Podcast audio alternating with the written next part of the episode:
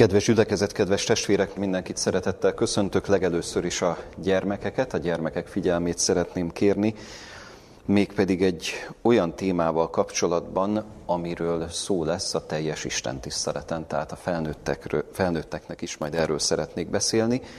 Ez pedig nem más, mint a beszéd. Gyerekek, hogyan beszélünk, és hogyan miként érdemes megfontolni, átgondolni azt, hogy mi milyen szavakat mondunk.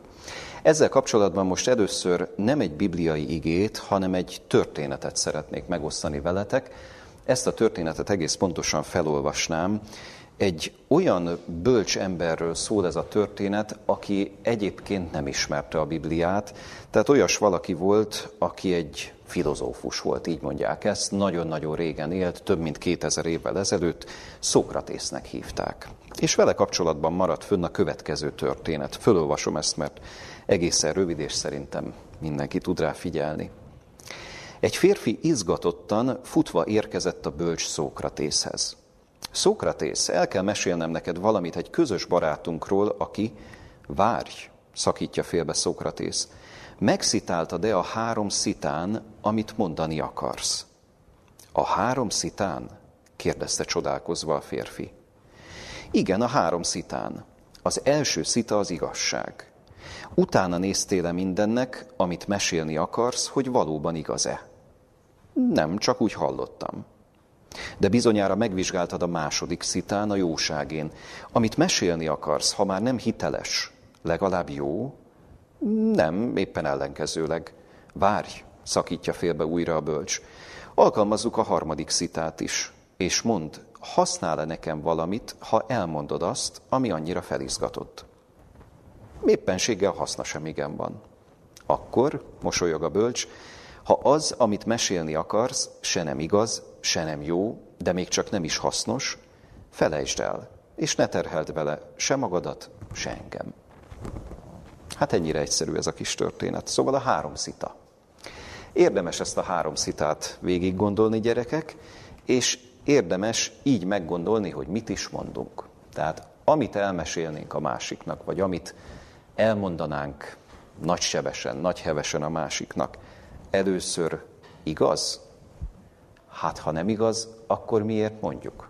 Ugye? Hát akkor már rögtön itt az első szita. Ez az első szita, amit, amit érdemes végig gondolni. A második szita ugye a jóság szitája, amit elmondanék, az jó. Hát, hogyha nem jó, akkor miért mondanám el? Se nem igaz, se nem jó. Ugye már két érv arra, két ok arra, hogy ez tényleg nem érdemes. A harmadik szita, neked használ valamit, hogyha én ezt elmondom? Hát, hogyha neked nem használ, akkor biztos, hogy rám sem igen nézve van haszna, hát akkor minek mondja? Szóval ez egy nagyon aranyos kis történet azzal kapcsolatban, hogy fontoljuk meg azt, hogy mi mit mondunk. Van a Bibliában egy nagyon egyszerű ige, szinte mintha erről a történetről szólna, meg hát persze sok minden másról. Példabeszédek könyvében olvashatunk egy ilyen igét, hogy a sok beszédben elmaradhatatlan a vétek. A sok beszédben elmaradhatatlan a vétek. Magyarán gyerekek, gondoljuk meg, hogy mi mit mondunk. Nem biztos, hogy olyan sok mindent kell mondani. Lehet, hogyha kevesebbet mondunk, azzal jobbat teszünk, mert hogyha mondjuk butaságot mondunk a másiknak, hát arra megint csak azt lehet mondani, hogy minek. Akkor jöjjön a három szita. Úgyhogy én kívánom nektek, hogy ezt mindig gondoljátok végig. Persze az élet olyan, hogy csak mondunk dolgokat, meg csak úgy telnek az percek, az órák, belekerülünk különböző helyzetekbe, na de akkor is gondolkodik az ember. Ugye, milyen jó, ha végig gondoljuk egy kicsit, mielőtt valamit mondanánk. Három szita, tehát még egyszer, igaz-e, amit mondunk, jó-e, amit mondunk, és neked, akinek mondom, az használ-e? Na ez a három szita, amit érdemes végig gondolni, és érdemes megszűrni a mondani valónkat. A Biblia meg nemes egyszerűséggel így összegzi ezt, a sok beszédben elmaradhatatlan a vétek. Legyünk bölcsek, legyünk megfontoltak a beszédünkben. És kedves gyülekezet, ahogyan jeleztem is, ugyanezzel a témával folytatnánk a beszéd, mint nagyon fontos dolognak a, a körüljárását terveztem most, így az ige hirdetésben. Annál is inkább, mert van két olyan ige, ami ráadásul egy bibliai könyvben fordul elő, és ami nagyon komolyan szembesít bennünket azzal, hogy igazából a beszédünket nekünk nagyon át kell gondolni, rengeteg minden múlik a beszédünkön. Melyik ez a bibliai könyv, ahol ezt a két igét találjuk? Ugye itt a gyerekeknek szóló kis történetnél példabeszédek könyvét idéztük, Innen is fogunk majd még idézni az igehirdetés során, de ez a könyv, amire utaltam, ez egész pontosan egy levél, Jakab apostolnak a levele. Jakab apostol leveléből a harmadik fejezet második versét olvastám föl először, és aztán pedig szinte ennek az ellenpontozását szintén ebből a levélből az első fejezet 23, 26. versét. Tehát Jakab apostol levele harmadik fejezetének a második verse a következőképpen hangzik. Mert minnyáján sokképpen vétkezünk. Ha valaki beszédben nem vétkezik, az tökéletes ember. Képes az egész testét is megzabolázni. Gyönyörű, igen, nem? Tehát azért ez egy olyan mérce, amire azt lehet mondani, hogy teljesen egyértelművé teszi az apostol, hogy ember, hogyha te egy területen tökéletessé válsz, akkor tulajdonképpen az egész életed tökéletessé válik. Persze ez a dolog ez nem ilyen egyszerű. Tehát ennek a mélyére igyekszünk menni, de az biztos, hogy amit itt kimond, ez olyan reménnyel töltheti el az embert. Azt mondja, ha valaki beszédben nem vétkezik, tehát ha valaki meggondolja, hogy mit mond, jó időben mond jó dolgot, mondom, ezt fogjuk majd részletezni, azt mondja, az tökéletes ember, képes az egész testét is megzabolázni. Na ez a pozitív oldala ugye a beszéd témájának. Mi a negatív oldala a beszéd témájának? Szintén Jakab apostol leveléből, tehát első fejezet 26. verse. Ha valaki Isten tisztelőnek látszik köztetek, de nem zabolázza meg nyelvét, sőt megcsalja a maga szívét, annak az Isten tisztelete hiába való. Ha valaki Isten tisztelőnek látszik köztetek. Tehát magyarán azt mondja, hogy vannak olyan emberek, vagy lehetnek olyan emberek, akik bár járnak a gyülekezetbe, na de azt mondja, hogy nem zabolázza meg a nyelvét, mert ugye keresztényeknek írja ezeket a, a sorokat az apostol. Azt mondja, nem zabolázza meg a nyelvét, nem figyel arra, hogy mit mond, hanem csak úgy, csak úgy mondja a dolgokat, szinte úgy, úgy végig gondolás nélkül. Azt mondja, ezzel megcsalja a maga szívét, és ennek az embernek az Isten tisztelete hiába való. Tehát szeretné az Isten tisztelni szándéka szerint, Na de, mintha azt a kérdést tenné föl az apostol, hogy de minek? Miért, miért akarja ezt megtenni? Hát nem látja, hogy értelmetlen? Hát hogyha most a beszédét nem gondolja végig, akkor nem látja, hogy ennek így semmi értelme, hogy hiteltelen az egész kereszténysége, hiteltelen az Isten tisztelete? Tehát ez meg a negatív oldal. Tehát ugye nagyon komoly súlyjal esik latba ez az ige is. Az egyik azt mondja, hogy ember, hogyha te beszédben nem védkezel, a tökéletesség felé mész, és te tökéletes ember leszel. A másik meg az, hogy ha nem gondolod végig, hogy mit beszélsz, akkor azt mondja, hogy fölösleges az Isten tisztelet, akkor minek? Minek vagy itt olyan értelemben, hogy, hogy, hogy miért akarod te azt mutatni, hogy de Isten tisztelő vagy. Hát és ezzel a dologgal nem törődsz, hogy akkor, akkor a beszédeddel mi is a helyzet. Tehát egy nagyon komoly biztatás, de a másik oldalon meg egy félelmetes kifutás mutat be. Apropó ez a hiába való kifejezés, ugye ezt olvasok itt Jakabnál. Azt mondja, annak az Isten tisztelete hiába való. Emlékszünk azt hiszem többen a laudíciai levélre, a híres laudíciai üzenetre.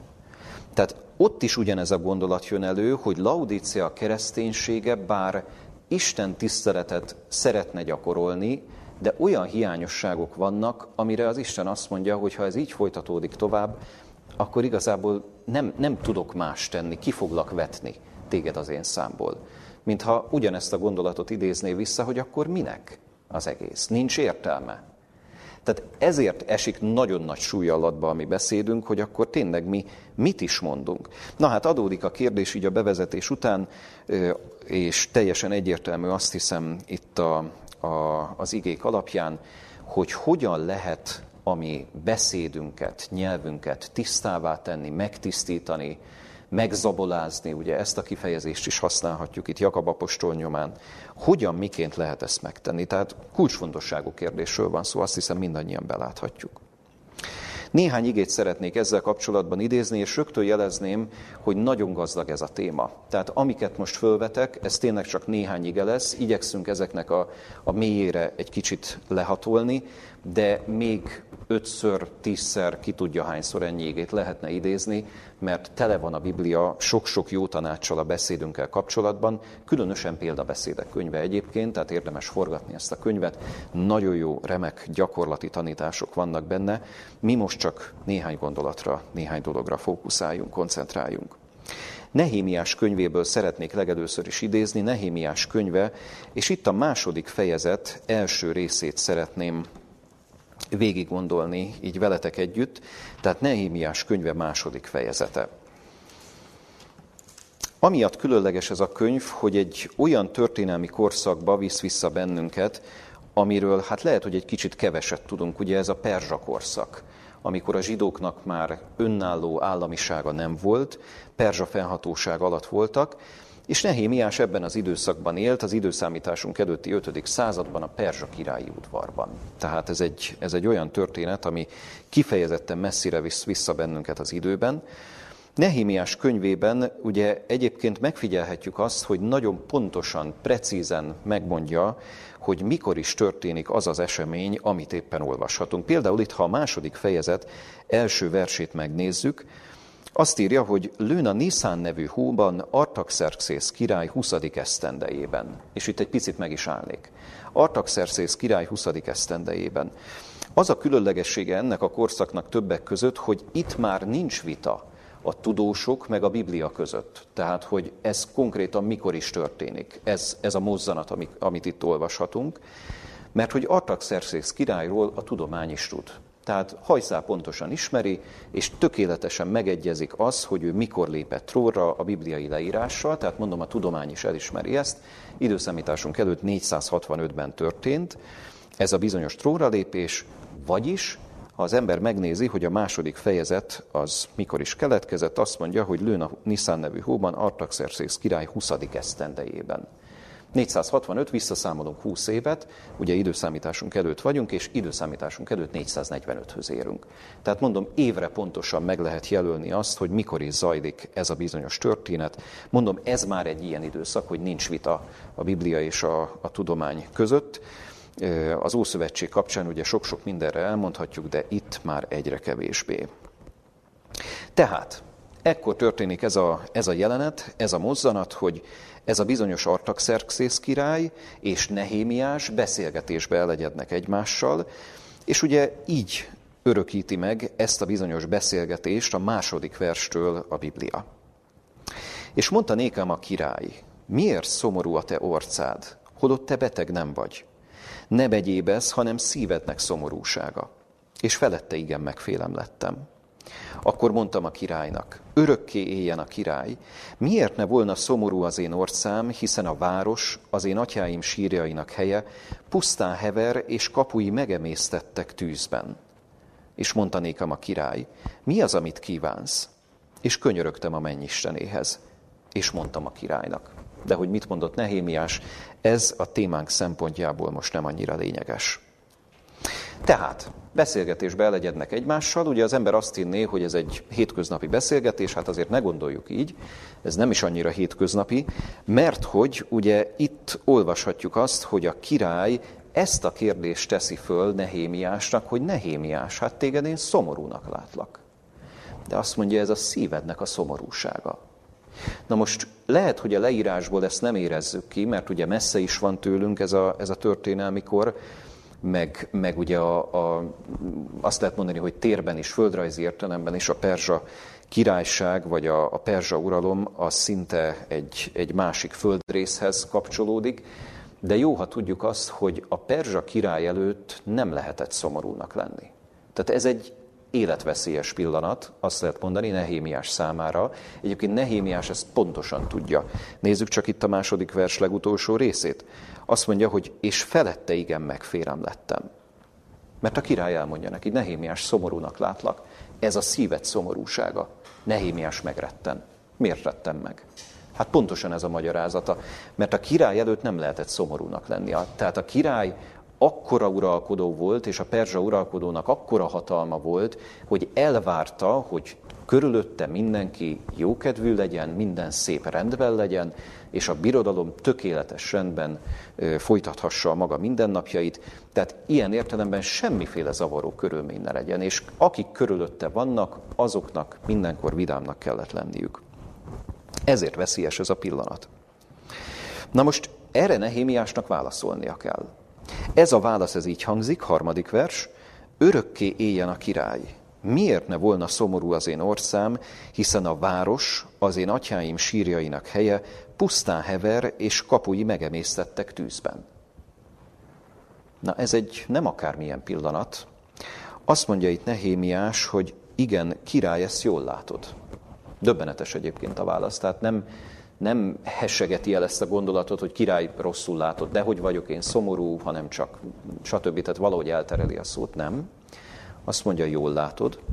Jól látod, mert hogy az én városom, atyáim sírjainak helye, pusztán hever és kapui megemésztettek tűzben, tökéletesen egyezik egyébként a történelmi leírással, Jeruzsálem ebben az időszakban tényleg ilyen állapotban volt. Tehát kifejezetten azt lehet mondani, hogy hajszál pontosan leírja Nehémiás, ugye ő ott van a királyi udvarban, Jeruzsálem meg, meg sok-sok száz, több száz, illetve több ezer kilométerrel odébb. Innentől kezdve ugye azt lehet mondani, hogy ez egy olyan fájdalom volt Nehémiásnak, hogy hát ő mégiscsak a zsidósághoz kötődik, de Jeruzsálemben nem élhet, mert a város milyen állapotban van, és egyáltalán az ő honfitársaival mi a helyzet, ez súlyos teherként nehezedett a szívére. És ezt osztotta meg a királlyal. A király erre így válaszolt. Mi az, amit kívánsz? És ezt a mozzanatot olvashatjuk itt a leírásban, és könyörögtem a mennyistenéhez. A király tehát fölteszi neki a kérdést, ez a bizonyos Artaxerxész király, hiszen becsülte Nehémiást, aki a szolgája volt, pohárnok, és egy komoly tisztséget töltött be az udvarban, becsülte őt, és föltette neki a kérdést, azt is lehet mondani, hogy szinte földobta neki a labdát, hogy na most akkor mondj valamit, Nehémiás, mi az, amit kívánsz? És itt van ez a pici kis mozzanat, mozzanat, amit olvashatunk az igében, és könyörögtem a mennyistenéhez, és mondtam a királynak. Na most ez az, amire azt lehet mondani, hogy igazából egy olyan néhány másodpercnyi csendet örökít meg a, a leírás, a bibliai leírás, ami hogyha nem lenne benne az igében, akkor is azt mondhatnánk, hogy hát igazából ez egy olyan történet, ami önmagában is szép. Beszélgetnek egymással, a király jó indulatú lesz, Nehémiás válaszol, és aztán tényleg Nehémiás kívánsága beteljesedik.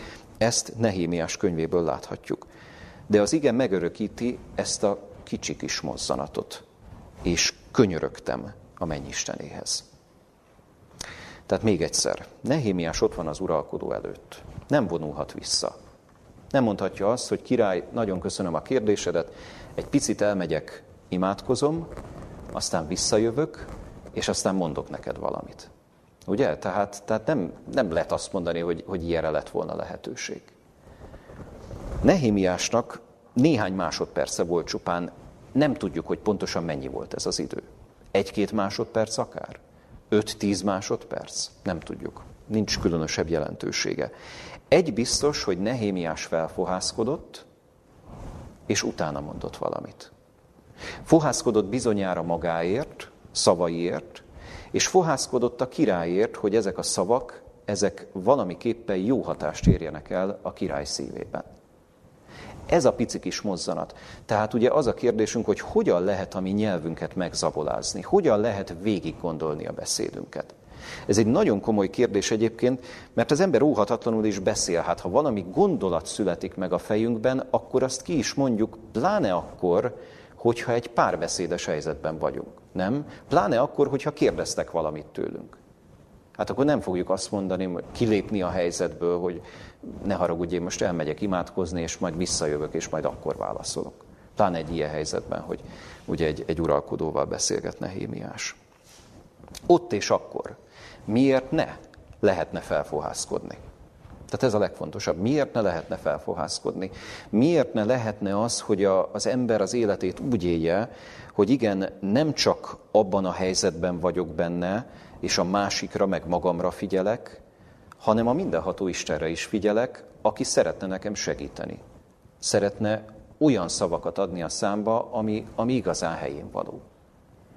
Ez egy nagyon fontos, hogy mondjam, része, oldala a beszédünknek, hogy mindig legyünk tudatában annak, hogy nem csak ketten vagyunk. Tehát nem csak én létezem, meg a másik, akihez mond, beszélek, mondok valamit, vagy ő mond nekem valamit, én válaszolok. Nem csak ketten vagyunk. Tehát Isten ott van. Isten mindig ott akar lenni. Szeretne segíteni, szeretne tanácsolni. És ennyi szünetet bizonyára mindenki tud tartani a beszédében, nem? Tehát, tehát egy-két másodperc, azon aztán nem sok minden múlik. Szóval az ember gondolja végig bölcsen, hogy mit is mond. Nagyon-nagyon fontos dolog ez. És azt lehet mondani, hogy itt azért ez egy sorsfordító beszélgetés. Lehet, hogy azt mondja az ember, hogy jó, hát azért a mi beszélgetéseink sokszor nem sorsfordítóak. Hát persze, egyfelől igen, de másfelől meg ki tudja, hogy mi múlik rajta. Tehát azért ne, ne hamarkodjuk el a választ, mert, mert lehet, hogy igenis komoly jelentősége van annak, amit mondunk, ahogy a másik fogadja. Szóval ne, ne mondjuk azt, hogy, hogy kisebb lenne a súlya azoknak a helyzeteknek, amiket mi átélünk. Szóval bölcsesség úgy, hogy kivárunk, felfohászkodunk, csendben magunkban imádkozunk, ha két másodperc, akkor két másodperc, de akkor is tudatosítjuk magunkban, hogy én az Istennel vagyok, Istennel szeretnék lenni. Nem akarom elengedni az ő kezét. Szeretném, hogy ő hasson rám. Szeretném, hogy a másik emberre is hasson. És mondom, ezeket a néhány másodperceket nagyon-nagyon érdemes megfontolni, megszívlelni. Ez tehát az egyik ige, amit mindenképpen szerettem volna kiemelni. A másik ige. Új szövetséghez kérem, hogy lapozzunk. Efézusi levél 4. fejezet 29. verse. Ezt az igét nézzük most meg. Efézusi levél 4. fejezet 29. verse. Pálapostól szavai ezek, ő hogyan beszélt a szavakról, a szavak erejéről, a beszéd hatalmáról. Következőket olvashatjuk itt, tehát Efézus 4.29. Semmi rothat beszéd a ti szátokból ki ne származzék, hanem csak amely hasznos a szükséges építésre, hogy áldásos legyen a hallgatóknak. Tehát azt mondja, semmi rothat beszéd a ti szátokból ki ne származzék. Hát az ember első pillanatban úgy egy picit elgondolkodik, hogy miről is beszél az apostol. Elég gyakorlatias a megfogalmazás, ugye ebben egyetérthetünk, de mi az, hogy rothat beszéd? Rothat beszéd, hát ugye gyümölcsre, vagy bármire, olyanra élelmiszerre szoktuk használni, ami megrothat, ami valaha jó volt, de most már nem jó. Rothat beszéd. Ne felejtsük el, egy gyülekezetet szólít meg, az efézusi gyülekezetet szólítja meg, mintha azt mondaná, hogy igen, lehet, hogy ti valaha úgy beszéltetek, ahogy. De az, ahogy ti beszéltetek, az nem volt helyén való, lehet, hogy valaha egészségesnek tűnt, mára már megrothat, most már, most már ne ezen az úton járjatok. Tehát, hogyha az ember valóban komolyan veszi a megtérést, komolyan veszi az újjászületést, akkor azt mondja, hogy na eddig a pontig ez jellemzett, de innentől kezdve én egy más életet élek, élek pedig többé nem én, hanem él bennem a Krisztus, mondja a Galata levélben Pálapostól. Hát, hogyha komolyan veszük azt, hogy Krisztussal közösséget szeretnénk ápolni, akkor innentől kezdve teljesen egyértelmű, hogy annak a beszédünkre is ki kell hatnia, semmi rothat beszéd a ti szátokból ki ne származzék. Tehát az ember gondolja végig azt, hogy hogyan beszélt régen, hogyan beszél most.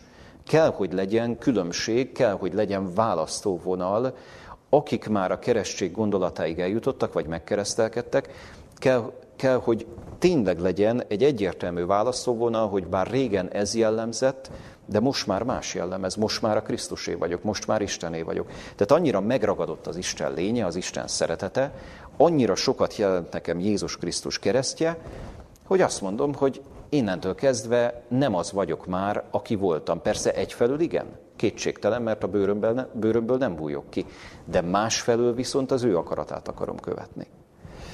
Szóval azt mondja, semmi rothat beszéd a ti szátokból ki ne származzék. Na most itt nagyon fontos dolog a, a beszédünkkel kapcsolatban, ugye az ember leszögezheti, nem a világ a mérce. Tehát nem, nem az a mérce, ami körülvesz bennünket. Az ember óhatatlanul is idomul, hasonul a környezetéhez, azokhoz az emberekhez, akik körülveszik. Ne ez legyen a mérce. Jó, tehát az a múlt olyan értelemben, hogy valaha mi is a világ fiai voltunk, de most már mást akarunk követni.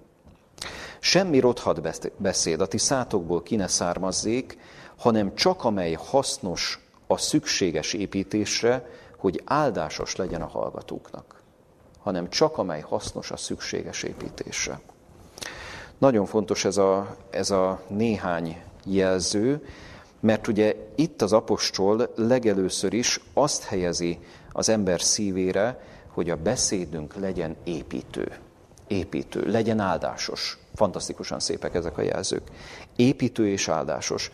Ez azt jelenti, hogy ne az legyen a célom, hogy a másikat leromboljam olyan értelemben, hogy valamiképpen mondjuk, mondjuk valami nagyon negatívat sugározzak a beszédemmel. Ne, sugározzak pozitív dolgok. Még akkor is, hogyha az ember fed, akkor is legyen abban biztatás, akkor is legyen abban bátorítás. Ez egy nagyon fontos kérdés. Azt mondja, amely hasznos a szükséges építésre, hogy áldásos legyen a hallgatóknak. Ha az ember ebbe belegondol, Jézus Krisztus, a megváltunk, hogy beszélt? Rengetegszer építő módon, ez kétségtelen. De amikor feddett, mert ugye a feddésekről is beszélhetnénk, nem? Tehát, tehát ott voltak azok a súlyos, szigorú feddések, amiket mondjuk a farizeusokhoz intézett.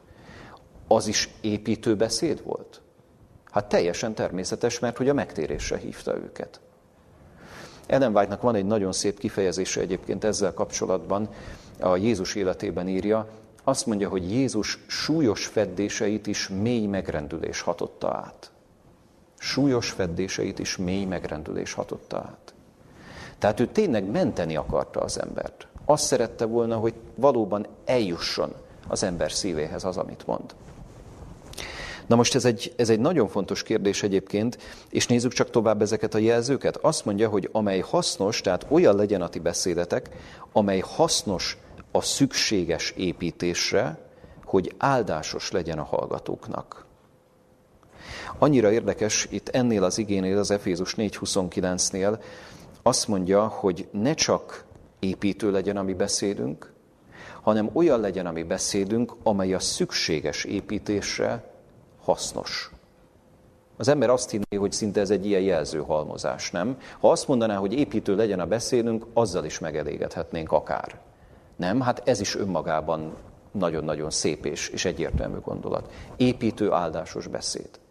De nem, azt mondja, hogy csak amely hasznos a szükséges építésre. Lehet, hogy az én beszédem az önmagában építő, de szükséges-e? Tehát ez egy, ez egy nagyon fontos kérdés. Mire tanít bennünket ez az egy szó? Hogy szükséges építés? Hogy igen, építsd a másik embert, segítsd a másik embert, de csak olyan módon, hogy úgy segíts neki, amikor arra neki szüksége van. Mert önmagában, ha építő beszédeket mondasz, hát az jónak tűnhet, de mi van akkor, hogyha a másik nem tudja befogadni? Mi van akkor, hogyha nincs értelme annak, hogyha elmondod? Ugye? Tehát ez egy, ez egy nagyon fontos kérdés, és nagyon lényeges, hogy az ember gondolja ezt végig, hogy egy dolog, hogy mit akarok mondani, ez, ez a beszédnek az egyik fele. Az ember szinte itt megelégedne, nem? Tehát mit akarok mondani, mit szeretnék mondani, legyen tiszta az én beszédem. Az ember azt hinné, hogy itt lezárhatjuk a kérdést. Nem zárhatjuk le. Mert ha beszélek, akkor mindig ott van az a másik ember, mert értelemszerűen az ember ugye nem magában beszél, ott van az a másik ember, mit tud befogadni? Mi az a szükséges, amit nekem érdemes mondanom? Ha valamit nem érdemes mondani, nagyon egyszerű a kérdés, amit felvetek, akkor miért mondjam? Tehát akkor, akkor miért ne tartsam meg magamnak? Majd elmondom máskor, nem? Tehát, fölösleges. Tehát ez, ez nagyon fontos, hogy az emberben legyen meg az a, az a bölcsesség, ami egyébként megvolt Jézus Krisztusban is. Tehát ott azt látjuk, hogy igen, építő beszédeket mondott, de csak amit a másik el tudott hordozni. Csak ami építő tudott lenni.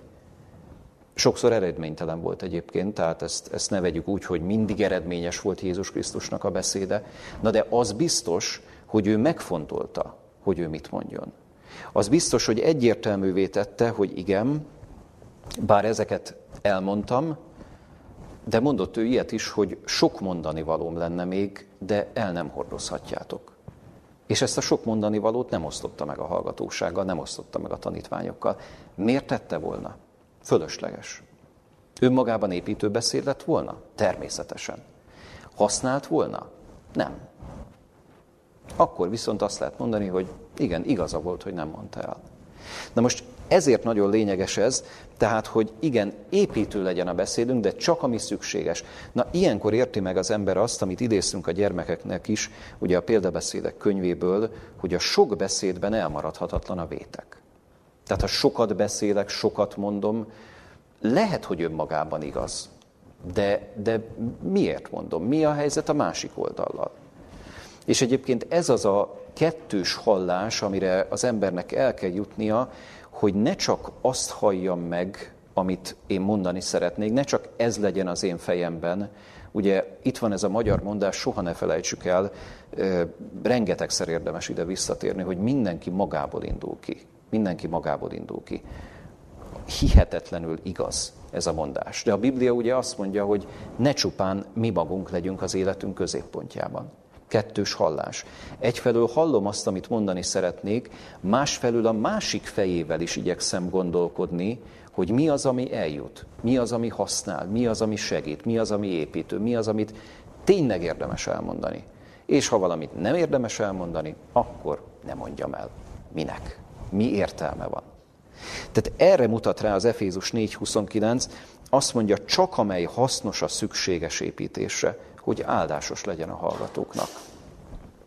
Annyira különleges egyébként egy mondás, amit olvastam még egyszer, eh, egy aforizma. Van egy aforizma gyűjtő, Soproni Istvánnak hívják, és ő adta ki az egyik kötetében, ugye különböző mondásokat gyűjtött össze, különböző érdekes mondásokat, aforizmákat. Ez így szól, ez a bizonyos aforizma, az okos a kirakatban tartja az ő tudását, a bölcs a raktárban. Tehát az okos a kirakatban tartja a tudását, a bölcs a raktárban. Magyarán kérkedhetek én azzal, hogy mi mindent tudok, és akkor csillogtathatom az okosságomat. Mire megyek vele? Hát persze el lehet varázsolni másokat, de, de minek? A bölcs a raktárban akkor hozza elő az okosságát, vagy a tudását, amikor arra szükség van. Egyébként meg nincs rá szükség, nem? Tehát, tehát csak amikor az ideje van. Megfelelő időben. Megfelelő pillanatban. Mint aranyalma az ezüstányéről. Megint csak példabeszédek könyvét idézve, olyan a helyén mondott ige. Tehát mondom, bölcsesség, megfontoltság, Istenre figyelés.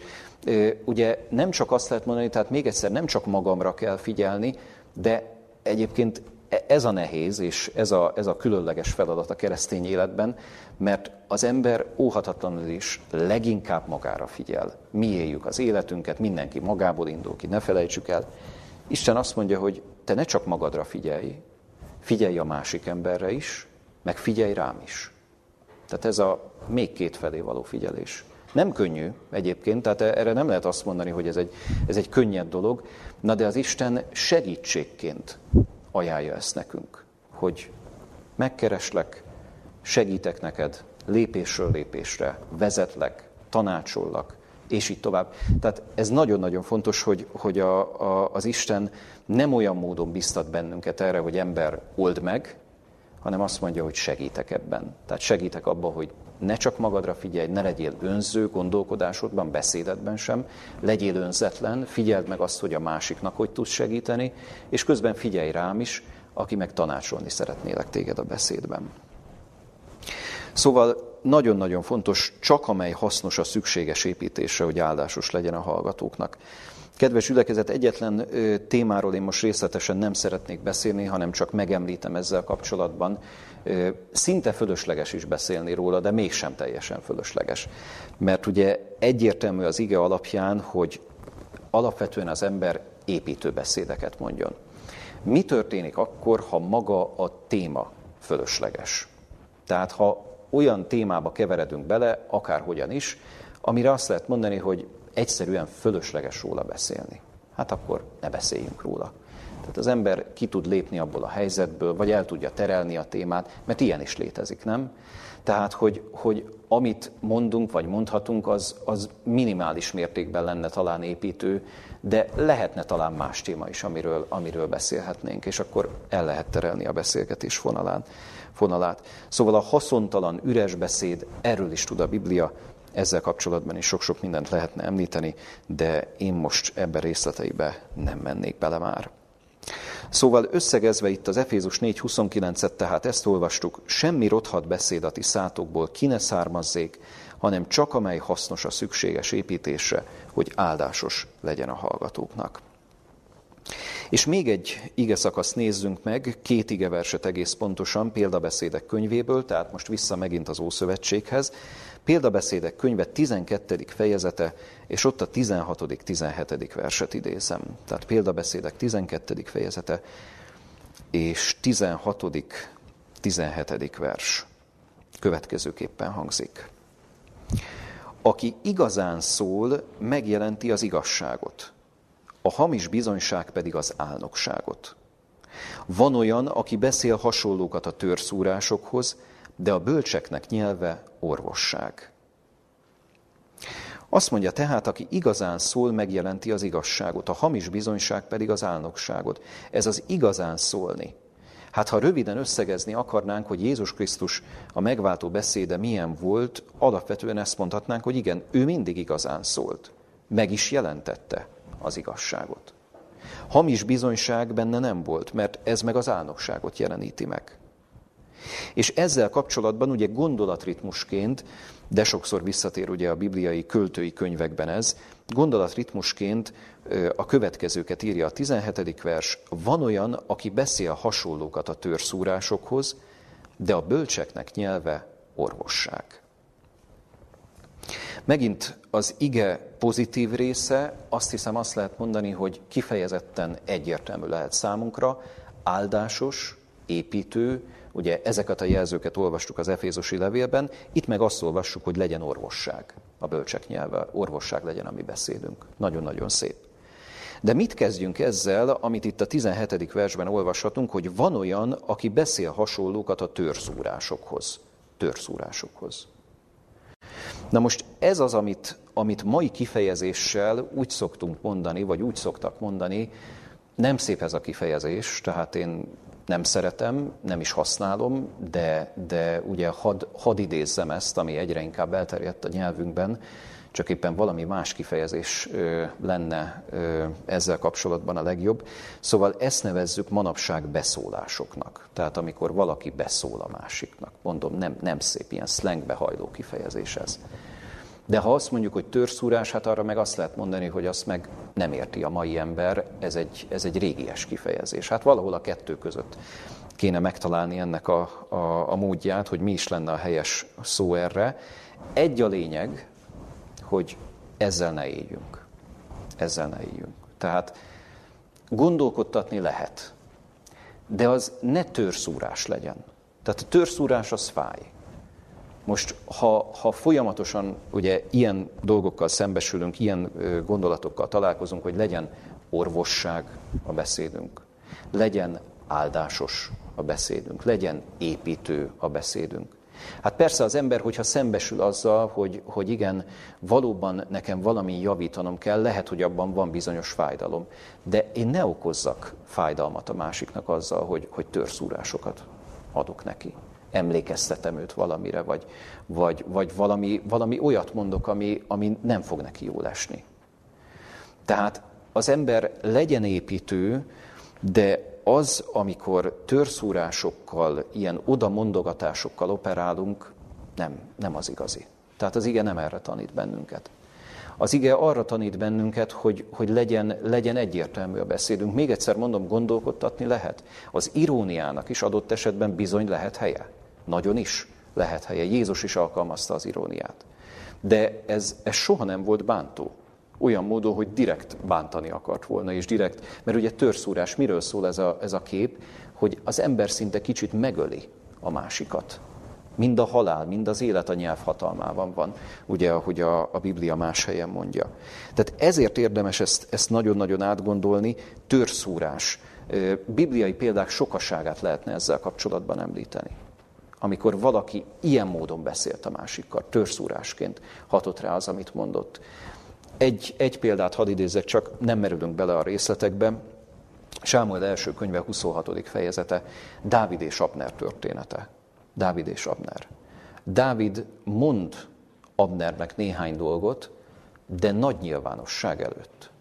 Nagy nyilvánosság előtt szégyeníti meg, az egész sereg előtt szégyeníti meg. Abner bár ott és akkor nem reagál, nem válaszol erre a beszédre. Látszólag úgy tűnik, hogy minden rendben van, de ha az ember tovább olvassa a Bibliát, tovább olvassa Sámuel első könyvét, meg Sámuel második könyvét, akkor azt láthatjuk, hogy Abnerben ott fort ez a dolog, és nem tudta kezelni azokat a szavakat, amiket Dávid mondott neki. Na ez a törszúrás.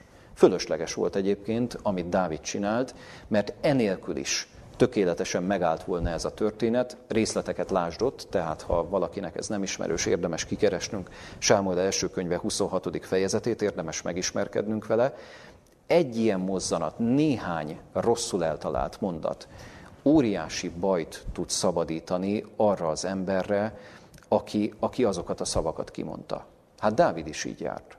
Tehát, tehát nem, nem véletlen, hogy a Biblia ezt a történetet is megörökítette. Nagyon-nagyon érdekes és, és sokat mondó az, hogy, hogy mit is találhatunk ott az igében. A bölcseknek nyelve tehát orvosság, ahogyan itt olvashattuk is. Kedves gyülekezet, ezek voltak tehát azok az igék, amelyekre azt lehet mondani, hogy hogy igen, nagyon nagy jelentősége van a beszédünkkel kapcsolatban. Sok mindent lehetne még idézni, talán még a római levél 12. fejezetét is említsük meg.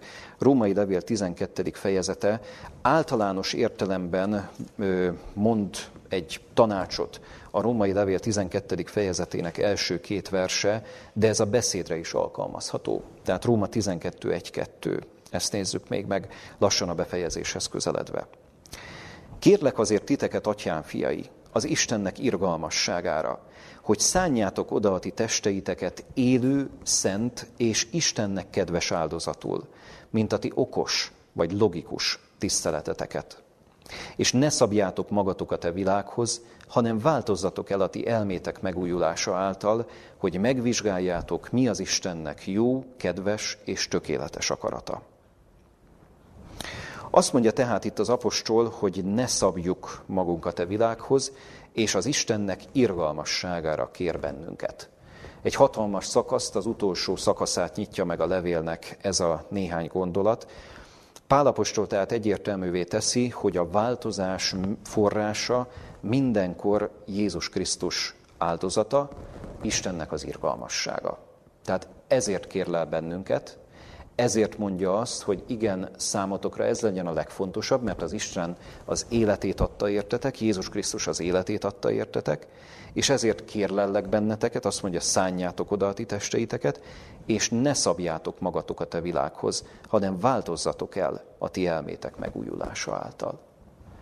Tehát ez legyen az, ami, ami számotokra a legfontosabb. Ez legyen az, ami, amire azt mondjátok, hogy igen, ez a, ez a leglényegesebb része az életünknek. És ebben természetesen benne van a beszéd is. Sok mindenről szólhatnánk ennek kapcsán, akár egészségügyi törvényekről, a testünk, mint Szentlélek temploma, erről a gondolatról, és így tovább, tehát lehetne még, még sokfelé leágazni. Én most a beszédre koncentrálok különösen, azt mondja, hogy ne szabjátok magatokat a világhoz. Megint csak ugyanaz a gondolat, amit említettünk, ne a világ legyen a mérsze. Tehát a világ megy egy irányba, a keresztény miért, miért menne a világgal együtt? Tehát Isten szolgálja, miért akar a világgal menni? Legyen számunkra az Isten a mérce. Ez nem azt jelenti, hogy legyen, hogy mondjam, megemészthetetlen, befogadhatatlan, érthetetlen a beszédünk, nem erről szól. Hanem arról, hogy mi az Istennel vagyunk közösségben, Krisztus áldozata számunkra a legfontosabb, és ezért beszélünk úgy, ahogy beszélünk. Tehát ez, ez a mérce, ez a kiinduló pont. És ami még itt lényeges ezzel kapcsolatban, tehát azt lehet mondani az egész témával kapcsolatban, az az, hogy ha, ha az ember fölteszi magának a kérdést, hogy tulajdonképpen miről is szól ez az egész téma, miről is szól a beszéd kérdése. Ha azt a végtelenül egyszerű kérdést tenném föl, hogy miről szólt most már múlt időben ez az ige hirdetés. Lehet, hogy röviden összegezve azt mondanánk, hogy a beszéd tisztaságáról, hiszen címként is ezt adtuk meg. A YouTube-on ez így lesz megtalálható, hogy beszédünk tisztasága. Ugye, ha valaki beszédben nem vétkezik, tökéletes ember, de én azt mondanám, hogy ez az ige hirdetés, ez alapvetően nem a beszédről szólt csupán. A beszéd az mindig egy, hogy mondjam, másodlagos dolog, tünet. Az elsődleges dolog az az, hogy mi van a mi szívünkben. Mi van a mi szívünkben. És ezért idézem befejezésül azt az igét, amit Máté evangéliumában találhatunk, a 12. fejezet 34. versét. Tehát Máté evangélium a 12. fejezet 34. verse azt mondja, hogy mert a szív teljességéből szól a száj. A szív teljességéből szól a száj. Tehát az, hogy mi mit mondunk, az, hogy mi, mi milyen szavakat intézünk a másikhoz, a másik milyen szavakat mond nekünk, ez mind másodlagos kérdés. Másodlagos szintje, hogy mondjam, az egész életünknek. Nem ez a legfontosabb. A legfontosabb az, hogy legbelül a szívünkben mi van. Mert ami a szívünkben van, na az fog tükröződni a beszédünkben. Jó, tehát amikor a beszédünk tisztaságáról gondolkodunk, vagy ezért fohászkodunk, hogy Istenem, tisztíts meg a beszédemet, ne pusztán ezért fohászkodjunk. Tehát nem, nem, nem ez a legfőbb kérés. Uram, tisztíts meg az én szívemet, és ezáltal majd meg fog tisztulni a beszédem is. Tehát ott a, a, a legbelső dolgokat rendbe tenni, a, az érzelmeinket, a gondolkodásunkat helyre tenni az Isten segítségével, és ha ez megtörténik, akkor működni fog az, hogy igen, a beszédünk is tiszta lesz, a beszédünk is a jóságot, az építést, az orvosságot fogja sugározni, és így tovább. De mondom, önmagában a beszédünket megváltoztatni, ez, e, erre azt lehetne mondani, hogy ez felszíni munka. Miért kéne felszíni munkát elvégeznünk? Tehát az Isten ennél mélyebb gondolkodásra hív bennünket. Végezzünk mélyebb munkát magunkért. Ő is egy mély fúrás szeretne végezni. Egészen leásni ugye a, a szívünkig, indítékainkig, sok mindenig. Jó, tehát a szív teljességéből szól a száj, ne tekintsük mindenhatónak a beszédet, illetve olyan módon tekintsük mindenhatónak, amit itt Jakabnál olvashattunk. Ugye így kezdtük. Ha valaki beszédben nem vétkezik, azt mondja, tökéletes ember. És itt van a magyarázata, hogy miért. És a Máté 12.34 a magyarázata, ezért tökéletes ember. Mert ha valaki tökéletesen beszél, az azt jelenti, hogy a szívében is rend van. A szívében is olyan dolgok vannak, amire azt lehet mondani, hogy igen, Isten szándékával megegyező. És innentől kezdve, amit mond, az is, az is tökéletes. Na ez az az út, amire az Isten akar hívni bennünket, ez az az út, amin, amin szeretné, hogyha járnánk. És kedves gyülekezetén kívánom azt, hogy akkor, amikor beszélünk, ami egyébként többségünknek végtelenül egyszerű dolog, nem? Tehát rengetegszer szoktunk megszólalni a napunk folyamán, rengetegszer szoktunk valamit mondani, szóval végtelenül egyszerűnek tűnik, megfontoltság, bölcsesség, fohászkodás, ezek jellemezzenek bennünket. Kívánom ezt mindannyiunknak, és az Úr segítsen abban, hogy valóban a tökéletesség útján járhassunk a beszédünk segítségével is, Isten segítségével is. Amen. Imádkozzunk befejezésül. Szerető édesatyánk, hálás szívvel köszönjük azt, hogy gondunkat viseled, hogy mi egészen tiszták lehessünk, de nem a magunk erejéből csupán, nem annak az erejéből, hogy mi megfeszítjük magunkat, vagy elhatározzuk a változást, hanem hálásak vagyunk azért, hogy megkeresel bennünket, szeretnéd egészen kitisztítani a mi szívünket, szeretnéd, hogy olyanok legyünk előtted, mint akik valóban a lehető legjobbra vágyakoznak, és a lehető legjobbat és legtöbbet szeretnék adni a másik embernek, aki körülöttük van. Könyörgünk Istenünk, add átgondolni kérünk ezt a témát. Add, hogy valóban orvosságul használhassanak a mi szavaink, mindaz, ami elhagyja a mi szánkat, és mindaz, ami, ami a másik emberhez eljut. Fohászkodunk ezek tisztaságáért. Fohászkodunk annak tisztaságáért, hogy szenteld meg a mi szavainkat, de szenteld meg leginkább a mi szívünket. Köszönjük, Urunk, hogy kérhetjük ezt tőled, és köszönjük Nehémiás példáját is, azt a rövid kis felfohászkodást, amit olvashatunk az igében. Segíts, hogy ez is a miénk legyen, segíts, hogy ez legyen többek között az, ami késztet bennünket arra, hogy megfontoltság jellemezze a beszédünket. Légy velünk, Urunk, és segíts, vezess bennünket minden lépésben, minden egyes mozzanatánál az életünknek. Teted áldottá a mi szavainkat, egész lényünket, magatartásunkat. Te ad, hogy valóban a jót tudjuk továbbadni mindazoknak, akik körülöttünk vannak. Jézus Krisztus nevében fordulunk hozzád, és kérjük a Te segítségedet mindebben. Amen. It was here